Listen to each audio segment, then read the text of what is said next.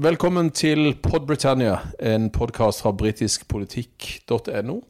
Eh, dette er en spesialutgave som vi sender eh, fra London eh, under disse merkelige tidene. I studio i dag, Erik Mustad og Trine Andersen. We shall never surrender. The pride in who we are is not a part of our past. It defines our present and our future. The people of Scotland have spoken. England, Scotland, Wales, Northern Ireland, together, taking us forward, unleashing the potential of the whole country. Order! Ja, Trine, vi må vel si at dette har vært et ganske spesielt besøk disse tre dagene som vi valgte etter eh, en del gjennomtenkning og, å reise til London. Ja, det har det virkelig vært. Her vi sitter på dette hotellet, så ser vi jo rett ned på Westminster Bridge, som vanligvis er helt uh, tjukk av folk. Du må jo nesten albue deg fram. Og nå vi ser ut her nå, så er det kanskje bare 15-20 mennesker der. Og, og, det har vi jo sett i store deler av London. Det er veldig få turister, og det er veldig god plass mange steder. Det er nesten litt sånn spøkelsesaktig enkelte steder. Samtidig så, så, er det jo god plass i butikkene, da. Det er det, og det er mye salg. Men eh, likevel, den store London, den London-følelsen med denne London-pulsen, den, den, får vi jo ikke. Nei, vi gjør ikke det. Og det var jo en merkelig opplevelse å lande på Heathrow-flyene. Både fra Norge og over til London var rimelig fulle. Men uh, å komme til Heathrow, ja, der var det nesten som det hadde vært en katastrofescene som hadde inntruffet, for der var det nesten ikke folk. Og da vi kom til immigrasjonen, så var det ingen der. Eh, ingen eh, immigrasjonsoffiserer som satt der, eh, og vi ble til slutt geleida rundt å bruke maskinene. Ja, og vi skal vel kanskje minne folk om at de må fylle ut et skjema før de kommer til Storbritannia nå. Det er et ganske omfattende skjema. Det tar litt tid å sitte inne og, og gjøre det. Men da vi landet, så var det merkelig nok ingen som eh, I hvert fall ikke da jeg landa, fra Oslo. Så var det, ingen som, eh, det var ingen som ba om å få se det, i hvert fall. Jeg vet ikke det var, hvordan det var for, for deg? Ja. Nei, jeg kom via Amsterdam fra Kristiansand, og det var heller ingen som ba om dette skjemaet. Og det var merkelig dødt på, på Heathrow. Det var det også på toget inn fra Heathrow til Paddington. Eh, og eh, jeg tok drosje da til hotellet. Og det er som du sier, tomme gater, flere busser enn folk. Eh, og en nokså merkelig stemning. En litt sånn apokalyptisk stemning i, eh, i, London. Men så har det tatt seg opp de siste dagene. Vi begynner å nærme oss helg. Eh, hotellet er fullere, gatene er litt fullere. Og så ser vi jo en ting som vi må gjøre våre lyttere oppmerksom på, og det er jo dette med sikkerhetsreglene og forhåndsreglene man må ta for å reise, hvis man ønsker å reise til London i disse rare tidene. Ja, altså det er svært viktig å ta disse reglene alvorlig. Og her er det jo f.eks. på all transport så er det jo obligatorisk med ansiktsmaske. Og det det fins et rikt utvalg å få kjøpt her i butikkene, det kan jeg i hvert fall si. Men jeg, jeg tok tuben inn fra, fra Hitrov, og eh, jeg tror kanskje ikke jeg har opplevd å sitte alene i en uh, tubevogn, men det, det, gjorde jeg altså klokka sju om kvelden inn fra, fra Hitrov og nesten helt til Earls Court. Så, så, det sier jo litt om hvor lite folk det er og, rundt omkring. Men, men ta alvorlig dette med ansiktsmaske. Det må du også ha i butikker. Ja, eh, du må ha ansiktsmaske hver gang du går frem til en disk og inn i en butikk. Eller vi anbefaler også å ha på ansiktsmaske hvis det skulle være noen eh, folkemengder, f.eks. rundt London Eye, Eh, utenfor parlamentet, i smug, som du f.eks. går langs ørsida av Themsen, som vi har gjort nå i ettermiddag, så vil vi anbefale å ha på ansiktsmaske. Antibac står overalt, eh, og én ting er at hendene blir såre og tørre, men vise folk at en bruker antibac og tar alt dette på alvor, det er helt avgjørende hvis en skal reise til London i disse tider.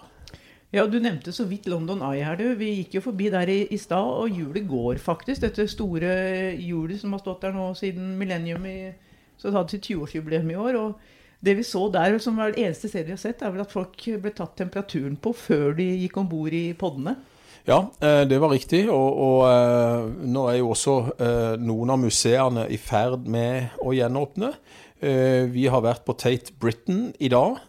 Du må da inn på internett og booke en tid for å kunne få inngangsmulighet på noen museer. Ikke alle museene er oppe, men eh, etter hvert eh, utover i august så regner vi med at de fleste museene også vil åpne. Men det er begrensa eh, adgang til disse museene, og du må booke en timeslot, som vi kaller det på godt norsk, på nettet.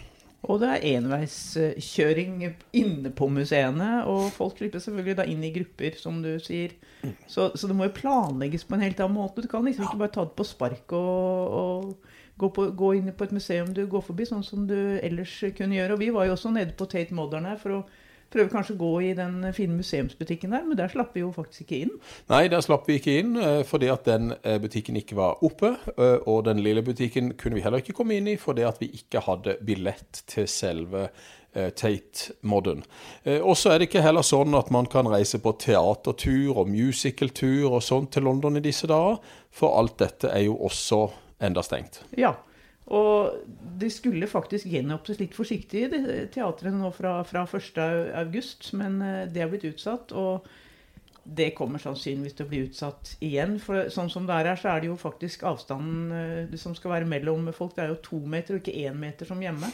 Så en kan jo tenke seg, Hvis en skal inn i en teatersal, det skal være to meter mellom eh, publikum. Det blir ikke blir ikke plass til mange i salen, så det, det kan umulig lønne seg for teatrene heller å gjenåpne om de hadde fått ja til det. Nei, så det, det, vi egentlig sitter igjen med etter noen dager i London, er at uh, forhåndsregler må man ta. Man må ha ansiktsmaske og ha antibac, eventuelt hansker. Uh, man skal holde avstand. Man skal respektere bruken av antibac også for det symbolske det er å ta på seg og vise andre at du bruker antibac. Eh, dette er ikke noe tid for heisatur heller til London, i og med at det er få puber som er åpne, og det er lite folk på pubene fordi at ikke de kan ta inn så mange. Eh, I går var vi på pubtrinnet. Det var vi, og det var jo litt spesiell opplevelse, for da måtte vi jo registrere oss idet vi kom inn i eh, lokalet, slik at dersom det skulle blitt et koronautbrudd på den puben vi var på, så skulle de komme i kontakt med oss etterpå.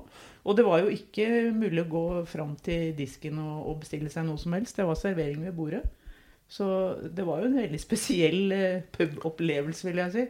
Ja, så det, det, det, er også kanskje noe vi ikke anbefaler hvis en skal reise til London for å drikke og gå på teater. Fotball er ikke noe mer nå, selvfølgelig, pga. at sesongen her borte er ferdig eh, og begynner ikke igjen på noen uker. Eh, men så er det jo da dette med spising. Eh, og det er jo òg litt spesielt nå. For vår kjære statsminister Boris Johnson har jo sagt at han vil sette Storbritannia på slankekur.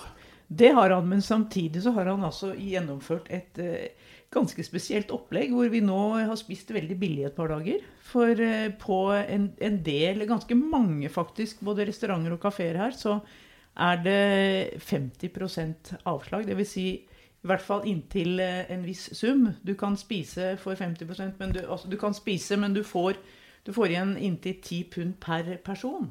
Og de ti pundene de får da restauranten igjen fra Boris igjen. Så, så her gjør han liksom litt begge deler. Han, men han skal selvfølgelig ha gang på, på næringslivet og, og, restauranter og sånn igjen også. Så han, han har jo mange hensyn å ta, da.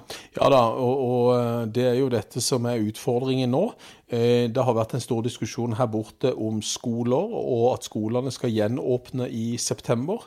Eh, samtidig som vi ser at det er regional og lokale oppblomstring av virus igjen rundt forbi Storbritannia.